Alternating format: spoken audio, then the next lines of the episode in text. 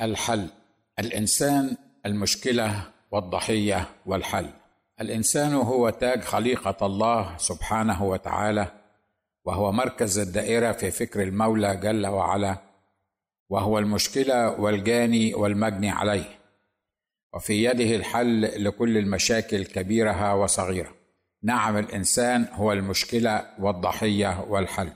الإنسان هو المشكلة لأن كل ما يحدث في هذا الكون من حروب وكروب وقلاقل وقتل وظلم واغتصاب واضطهاد وغطرسة وكبرياء وغيرها إنما هو نابع من قلب الإنسان جار إلى يده ولسانه المنفذين لما يدور بعقله وقلبه خيرا كان أم شرا منطقيا كان أم غير منطقي سواء بمحض إرادته أم بالإجبار عن طريق الشيطان الرجيم. وليس هناك جديد في الأرض منذ أن خلق المولى آدم وحواء إلى يومنا هذا وإلى قيام الساعة ويوم الحشر العظيم. فكل تصورات قلب الإنسان إنما هي شرير كل حين. ففي الجنة جلب الإنسان على نفسه العقاب والشر والفساد والمعاناة المستمرة بتصديق غوايه الشيطان وشكه وعدم طاعته لوصايا المولى تبارك اسمه وأكله من الشجرة المحرمة وأدخل طرقه الخاصة لحل مشاكله التي كان هو السبب المباشر فيها. حلول بشرية إنسانية نابعة من قلبه الشرير لإصلاح حاله والتوافق مع نفسه وأخيه الإنسان والمولى عز وجل. وكلها تخالف وصايا المولى وقوانينه الطبيعية التي خلقها في الإنسان وصممه على العمل بها فعندما أخطأ الإنسان فسد المنطق السليم في ذهنه وعمل ما هو عكسه تماما.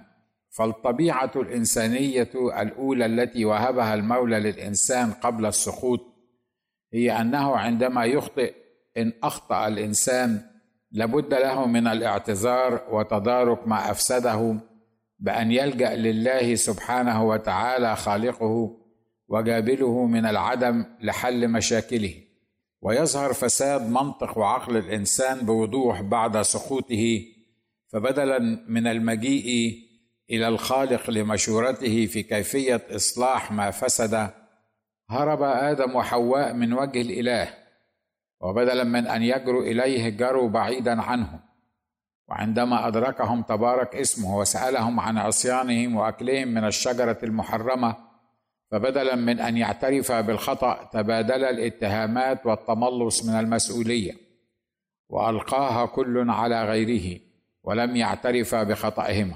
وإنه لضد تعاليم المولى تبارك اسمه أن نؤمن بأنه سبحانه كلم آدم وحواء بكلام فتاب عليه فتاب عليهما وغفر لهما. وعندما اكتشف أنهما عريانان فبدلا من أن يسأل الخالق كيف تستر عوراتنا وهما من لم يكن لديهما أي خبرة في ستر العورات ولا رأوها من قبل قرروا التصرف من ذاتهما وكأنهما في غنى عن المولى الكريم فخاطا أوراق تين وصنعا لأنفسهما مآزر. لكن هيهات لأوراق التين الطالعة من الأرض الملعونة أن تستر عورات الإنسان وضعفه وشره أمام المولى. فألبسهما القدير اخمصه من جلد الذبيحة المقدمة عنهما وبدلا من أن يرى ابناهما قايين وهابيل شناعة ما حدث لأبويهما فيسيران في طريق الحق سبحانه وتعالى ويحاولان التمسك بطاعته ووصاياه بأن يقدم ذبائح يرتضيها قدم قايين من نتائج فكره الفاسد من ثمار الأرض تقدمة للمولى الغني المالك لكل شيء. فرفضها الحكيم العليم وقبل ذبيحة هابيل أخيه التي تمثلت في واحدة من سمان غنمه ليس إلا. وبدلا من أن يقوم قايين ويذهب للمولى أرحم الراحمين ويسأله كيف يصلح خطأه فيعود ويقدم ذبيحة من الأغنام ليرضى عنه المولى. قام قايين على أخيه وقتله وحتى بعد قتله لأخيه بدلا من أن يحاول أن يعترف بخطئه ويتوب إلى الله ويطلب صفحه وعفوه. أخفى أخاه في تراب الأرض من عيني من له عينان تخترقان أستار الظلام. وعندما سأله المولى عن أخيه تمادى في كذبه وإخفائه للحقيقة وأجاب المولى في بجاحة ووقاحة أحارس أنا لأخي. وهكذا توالى شر الإنسان من إنسان لإنسان. حتى نظر المولى من السماء وقرر وقال نهاية كل بشر قد أتت أمامي. وأوحى لنبيه نوح فبنى فلكا ورفض الإنسان تصديق رسالة نوح الكارز بأن المولى سيغرق العالم كله بالطوفان. فتوبوا وارجعوا لتمحى خطاياكم وظل الإنسان في جهله يتصرف بغبائه وكبريائه وجهله المعهود حتى أهلك تبارك اسمه الأرض وما فيها ومن فيها بالطوفان. وخرج نبي المولى نوح وزوجته وثلاثة من بنيه وزوجاتهم وابتدأ عهدا جديدا على الأرض. بدأ بتقدمة الذبيحة وتكاثر الإنسان على الأرض ولكنه عاد إلى نفس طريق أبويه الأولين وقرر أن يحل مشكلة قلبه الخداع النجيس بنفسه بعيدا عن المولى تبارك اسمه فقرر أن يبني برجا في بابل ظن أن قمته تقترب من السماء. حتى إذا ما قرر القدير أن يهلك الأرض ومن عليها مرة ثانية يكون الإنسان في مأمن ببرجه المرتفع وكأنه الدوده تقف ضد خالقها وتساوي نفسها به وتخطط ضد أفكار من قيل عنه سبحانه ما أبعد أفكاره عن الفحص وطرقه عن الاستقصاء. بعدها بلبل المولى ألسنة الإنسان فتفرق الإنسان في الأرض. ثم أرسل الله نبيه موسى وأنزل التوراة التي فيها هدى للناس ورحمة. وأنزل فيها شريعة الذبائح كإشارة للذبيح العظيم شخص المسيح الذي قدم نفسه لله مرة واحدة فوجد لنا فداء ابديا. وأعطى العليم بكل شيء الناموس والوصايا للإنسان فكسرها الإنسان ولم يحفظها حتى أن لوحا الشريعة اللذين كتبهما المولى تبارك اسمه بإصبعه كسرهما موسى كليمه من فرط غيظه من غلاظة قلب الإنسان وكإشارة منه لكسرهما ادبيا بواسطة الإنسان على مر العصور والأزمان. وأخيرا قرر الرحمن أن يرحم الإنسان فأرسل آدم الثاني الإنسان يسوع المسيح من السماء الذي فيه كانت الحياة والذي قدم نفسه ذبيحة لله وكل من آمن به وقبله منحه المولى تبارك اسمه سلطانا أن يصير ابنا لله. وبدلا من الاعتراف بالخطيئة والرجوع إلى المولى تائبا محتميا في دم الذبيح العظيم أعاد الإنسان تكراره لنفس الغلطة الشنيعة ورفض فكرة الذبيحة تماما كما رفضها آدم وحواء لستر عوراتهما فخاط أوراق التين وكما رفضها قايين وقدم قربانا من ثمار الأرض. وكما رفضتها الغالبية العظمى ممن بلبل الله ألسنتهم فتفرقوا في الأرض.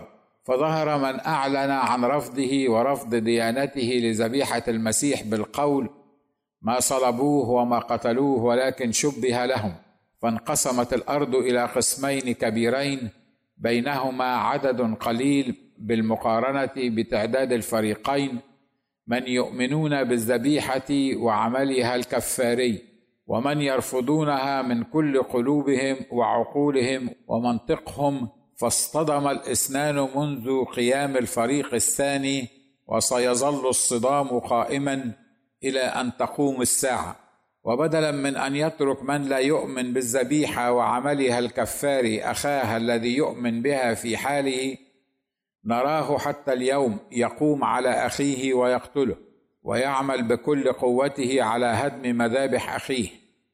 لأنها تذكره وتؤرقه بفكرة الذبيح العظيم ويتهم كتاب أخيه بالتحريف والتزوير لا لشيء إلا لأنه ينص على أن هناك ذبيحا وذبيحة وبدونها لن يستطيع الإنسان أن يستر عورته وأن يتصالح مع الله وأن يرضى عليه المولى سبحانه مهما قدم الإنسان من طاعة وتمم الفرائض وأقام الصلاة وآتى الزكاة وكل أركان الأديان المختلفة لفكرة الذبيح العظيم وحقيقة تقديمه لنفسه لأجلنا. لقد توارد على ذهني كل هذه الأحداث والتاريخ والتحليلات للمواقف المشينة للإنسان وتاريخه الأسود في رفض الآخر وقتله والتنكيل به. عندما رأيت وشاهدت واقعة الاعتداء على كنيسة السيدة العذراء والملاك ميخائيل بالعمرانية. سألت نفسي أين هي المشكلة في هذه القصة؟ بل وفي كل ما شابهها من مشاكل. وكان الجواب الإنسان. الإنسان هو المشكلة لأنه كما أطاع آدم وحواء غوايته في الجنة أطاعه الإنسان ويطيعه حتى اليوم. وسيظل يطيعه حتى قيام الساعة. فأي منطق هذا الذي يستخدمه الإنسان متمثلا في قائد ديني أو رئيس حي أو مهندس في البلدية أو محافظ لمدينة أو قائد لجماعة عسكر يتم انتقائهم بطريقة معينة من ناحية الدين والخلفية والشخصية الفعلية ويعدون اعدادا خاصا لإطاعة وتنفيذ الأوامر مهما كانت هذه الأوامر حتى لو كان الضرب بيت من بيوت الله تقام فيه الصلوات ويذكر فيه اسم الرحمن. ففي منطقة مبان عشوائية يبني فيها البشر كما يشاءون وكيفما يشاءون. وعند تحري أحد مهندسي الحي لسبب أو آخر. واكتشاف مخالفات المباني في هذه المنطقة. يتم عمل محضر سوري للمخالف. ويتصالح فيه المالك مع الحي بدفع غرامة مالية تافهة لا تتناسب مع حجم المخالفة أو ما تدره هذه المخالفة من أموال طائلة على المالك. وتظل البناية قائمة بحكم القانون والتصالح. وفي مكان للخدمات لمبنى كنيسة بدأت فيه المباني منذ أكثر من أربعة شهور وتمت الصلاة به لأكثر من شهرين.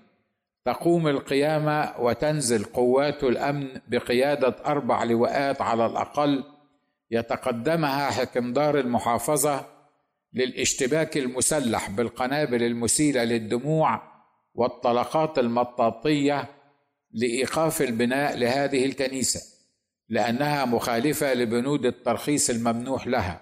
ولقد ذكرني هؤلاء اللواءات وهذا العدد الهائل من جنود الأمن المركزي الذين تواجدوا حول الكنيسة بالمشهد المضحك للفنان عادل إمام في مسرحية الزعيم عندما ذهب مدير عام المخابرات ليقبض عليه وهو الأعزى للفقير المسكين. بعشرات من قوات الأمن فتساءل عادل إمام في سخرية منهم قائلا أمال مين اللي على الجبهة؟ إذا كان كل هذه القوات قد جاءت للقبض عليه. والمشكلة هي في الإنسان أي إنسان. هذا الذي قرر هذه الخطوة المشينة. ما هي مواصفاته؟ ومدى حكمته وحكمه على الأمور وحسابه للعواقب والتبعات المترتبة على هذه الغزوة العسكرية. أي إنسان هذا الذي يأخذ قرارا مثل هذا وفي مثل هذا التوقيت؟ فمنذ نعومة أظفاري وأنا أعلم أن تسعين في المية من الكنائس في مصر ليس أمامها طريقة أخرى للحصول على موافقة أمنية أو جمهورية بالبناء إلا بهذه الطريقة.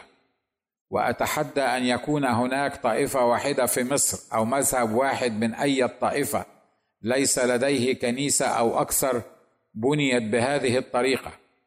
وهو أن يبنى المبنى على أنه مصنع أو دار للخدمات أو دار للمناسبات ثم تشتريه الكنيسة من المالك الباني وتبدأ في الصلاة فيه ثم ينتظر لعشرات السنين حتى يحصل على ترخيص ومنها ما تم غلقه حتى اليوم. ورفضت السلطات إعطاء التراخيص بمزاولة الصلوات فيه. ولو كانت هناك طريقة أخرى آمنة وسريعة للحصول على مثل هذا الترخيص بإنشاء دور للعبادة لاتبعها المصلون المسالمون وكفوا أنفسهم شر القتال والغاز المسيل للدموع واستخدام الطلقات المطاطية وأكوام الحجارة. نعم الإنسان هو المشكلة. ما دام الإنسان هو المشكلة أفليس هناك حل أو علاج لهذه المشكلة؟ الحقيقة أن الإنسان هو المشكلة لكنه في نفس الوقت هو الضحية أيضا لهذه المشكلة.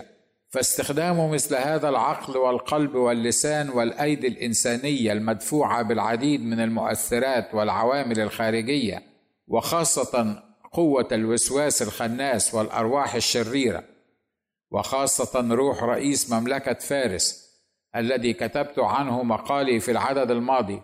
كل ذلك يجعل من الإنسان أيضا ضحية وليس فقط سببا لهذه المشكلة. ولكي لا يصبح الإنسان ضحية يحتاج الإنسان إلى عدة عناصر تقاوم وتضاد وتوقف عمل المؤثرات الخارجية التي تدفعه لمثل هذه التصرفات الشريرة وغير المنطقية. أولها يحتاج الإنسان إلى وازع ديني وكتاب سماوي صميم كتب بفكر المولى تبارك اسمه حتى لو لم يتوافق مع فكر الإنسان الذي هو المشكلة والضحية. كتاب واضح بسيط صريح لا يناقض بعضه بعضا. يأمر بالمعروف وينهي عن المنكر في كل أسفاره أو سوره وآياته. كتاب لا ينزل فيه العليم الحكيم حكما ثم يعود فيغيره أو ينسخه. وتكون وصاياه وأحكامه ملزمة للإنسان. وأن لا يترك فرصة للإنسان ليفسره على هواه وفقا للمواقف المختلفة والمصالح الطائفية والسياسية. كتاب يأمر الإنسان أن يحب أعداءه ويبارك لاعنيه ويحسن إلى مبغضيه وأن يصلي للذين يسيئون إليه ويطردونه ويضطهدونه. كتاب يأمر الإنسان أن يحب الآخر كنفسه يعلن فيه المولى تبارك اسمه عن نفسه ليس كالعظيم الجبار القدير الماكر المضل فحسب بل أيضا كالمحبة المتجسدة والتي تعطي للإنسان القدرة على المحبة بالرغم من صعوبة تطبيق الوصايا. كتاب يحترم إرادة الإنسان ويضع الحياة والموت أمامه ويحضه على أن يختار الحياة فيحيا. كتاب يضع أمام الإنسان الثواب والعقاب ويعلم الإنسان أن الحياة الأبدية في نعيم أعده المولى للمتقين لا علاقة لها بأعماله وقدرته على شراء الجنة أو النعيم. فالحصول على النعيم الأبدي غير مشروط بتعذيب النفس أو قتل أكبر عدد ممكن من الكفار في طريق نشر أي دين كتاب لا يرغب الناس في النعيم بحور عين ولا عسل وتمر ولبن وخمر بل بالتواجد في محضر الله القدوس الجميل الرقيق الخدوم. كتاب لا يمجد البطولات والغزوات والفتوحات والقتل وسلب الغنائم والضغينة للأعداء ودفع الجزية عن يد الضعفاء المقهورين وهم صاغرون. كتاب لا يشجع أمة بذاتها أو شعبا بذاته على أنه خير أمة أخرجت للناس. كتاب لا يصور الله أنه يحب المؤمن القوي أكثر من المؤمن الضعيف ولا يأمر بضرب النساء تحت أي سبب من الأسباب أو يطلب من الإنسان أن يناصر أخاه الظالم. ويحتاج الإنسان في هذا المقام الديني إلى رعاة وقادة ومعلمين يفسرون الحق بالاستقامة ويشرحون للإنسان البسيط الذي هو المشكلة والضحية في نفس الوقت ما يخفى عليه من خبايا الأمور الدينية وأن يتقوا الله فيما يعلمون الإنسان. يحتاج الإنسان أن يرى مؤسسي الأديان وخلفاءهم وقد عملوا وتمموا ما علموا تماما كما قيل عن سيد كل الخلق عن جميع ما ابتدأ يسوع يعمله ويعلم به. فلا يعلمون عن المحبة وهم الكارهون ولا يعلمون عن العفو وهم المنتقمون ولا يعلمون عن التسامح ويضعون من الشروط في التعامل مع أهل البلاد المقهورة والمفتوحة ما يسلبهم حريتهم وحقهم في العبادة بل وآدميتهم في كثير من الأحيان. قادة ومعلمون لهم من المبادئ الثابتة التي لا تتغير ولا تتقلب وفقا لمتطلبات المواقف. فإذا تطلب الموقف هادنوا وكمنوا وأحسنوا الكلام والتصرفات. وإذا قووا ظهر الحقد والضغينة والقتل والغدر والاضطهاد. قادة يزنون بميزان واحد يطبقونه على أنفسهم اولا ثم يطبقونه على كل قبيلة أو أمة وشعب ولسان. وإن لم يستطع الدين أن يغير الإنسان فيكون الاحتياج الثاني للإنسان هو نظام واحد واضح بسيط لا لبس فيه ولا غموض. يطبق على كل الناس في كل المواقف دون التفرقة أو التمييز بسبب الدين أو اللون أو الجنس أو العقيدة.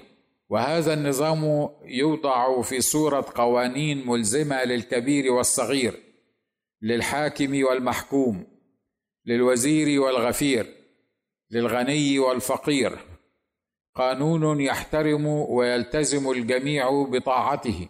لقد سألت نفسي عن هذا النظام الموحد في مثل هذه الأحداث التي من بينها الاعتداء الأمني على كنيسة العمرانية. هل هناك من نظام؟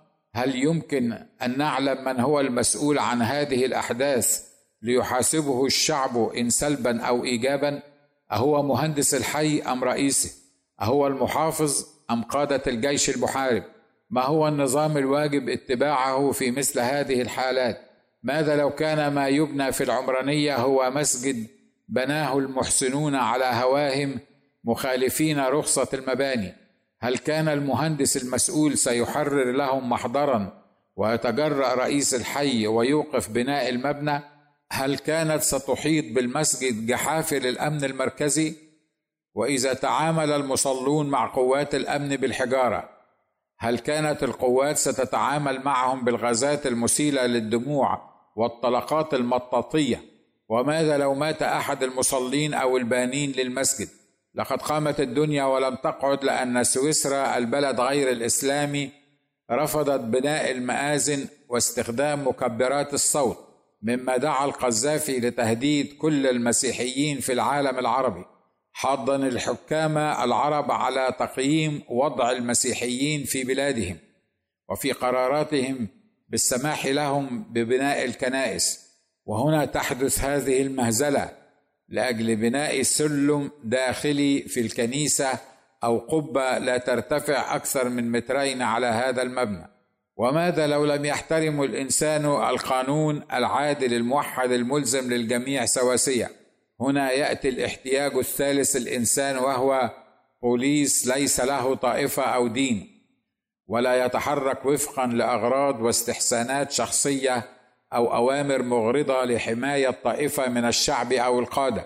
بوليس يكون حقيقة في خدمة الشعب كل الشعب في كل وقت. لأنه هو اولا وأخيرا جزء من هذا الشعب. بوليس يطبق القانون على نفسه اولا ويحترمه هو اولا. ويحاسب المخطئين من قياداته وأفراده كما يحاسب عامة الناس الفقراء المساكين. بوليس لا يسأل الظالم أو المظلوم عن ديانته. بوليس لا يؤمن بأنصر أخاك ظالما أو مظلوما. فبينما يسمع بكل آذانه إهانة الآخر من مكبرات صوت تصم الآذان يعلوها ولا يتحرك بل يخلع غطاء رأسه والمثبت عليه النسر شعار مصر وكل المصريين. لينحني ويصلي خلف هذا الذي يكيل الإهانات ويرفع الدعوات للمولى ليتم أولادهم وليرمل نساءهم ولينعتهم بالكافرين دون أن يتحرك له ساكن. لكنه في نفس الوقت يكمم الصارخين من الظلم ويضرب قاذف الحجارة بالقنابل والطلقات. أما آخر وأهم ما يحتاجه الإنسان ولا يمكن أن يتحقق في حياته كل ما ذكرت سابقا بدونه فهو أنه يحتاج إلى تغيير كامل وشامل أن يصبح خليقة جديدة ذات طبيعة جديدة وأهداف جديدة قلب جديد وضمير جديد فيصبح هو ليس فقط المشكلة والضحية لكن يصبح هو أيضا الحل فإنه إن لم يقبل الإنسان هذه الطبيعة الجديدة والخليقة الجديدة فسيظل الإنسان على ما هو عليه وستظل مصر على ما هي عليه. وستزداد الكراهية والعداوة بين اهلها وستتطور طرق تعبير الإنسان عن نفسه من صمت الهابطين للهاوية إلى همس في السر ثم في العلن ثم إلى مظاهرات وهتافات سلمية داخل أسوار الكنيسة ثم إلى مظاهرات صاخبة خارج الكنيسة في الشوارع والميادين ثم إلى احتجاجات ومظاهرات عنيفة باستخدام الحجارة كما رأينا هذا التطور في تعبير المسيحيين عن أنفسهم وأرجو أن لا يتطور الأمر إلى استخدام الأسلحة الحية ثم الكمائن والخطف والنهب وتكسير المحلات وإشعال الحرائق وسد الطرق بالمتاريس وما يشتعل من الكاوتشوك والمخالفات. ثم يبدأ عصر آخر من الشهداء الصغار الذين يظنون أنهم بقتلهم اعداء ممن يخالفونهم ويغلقون كنائسهم أو يقفون ضدهم. سيضمنون النعيم الأبدي وسيكونون له شهداء عند ربهم يرزقون. ومع أن كل ما ذكرت من درجات الاحتجاج ليس من تعاليم المسيحية في شيء إلا أنه تطور طبيعي ودرجات لسلم قد يرى البعض حتمية اعتلائه إلى آخر درجة حتى يقضي المولى امرا كان مقضيا. حمانا المولى وحمى مصر مما سيأتي عليها. اللهم افتح عيون رؤساءنا وقادتنا لما ينتظر مصرنا. وارحمنا من تصاعد الأحداث وتعبيرنا عن نفوسنا. اللهم اعطنا أن نحب الآخر كنفوسنا. وأن نعطيك الفرصة لتخلق قلوب جديدة في أعماقنا. فأنت سيدنا والضامن لمصيرنا. اللهم قنا ومصر شر الفتن والخصومات بيننا وامنح قادتنا حكمة للتصرف في شؤوننا. وقيادة بلدنا لما فيه سلامنا وخيرنا. فأنت إلهنا وربنا.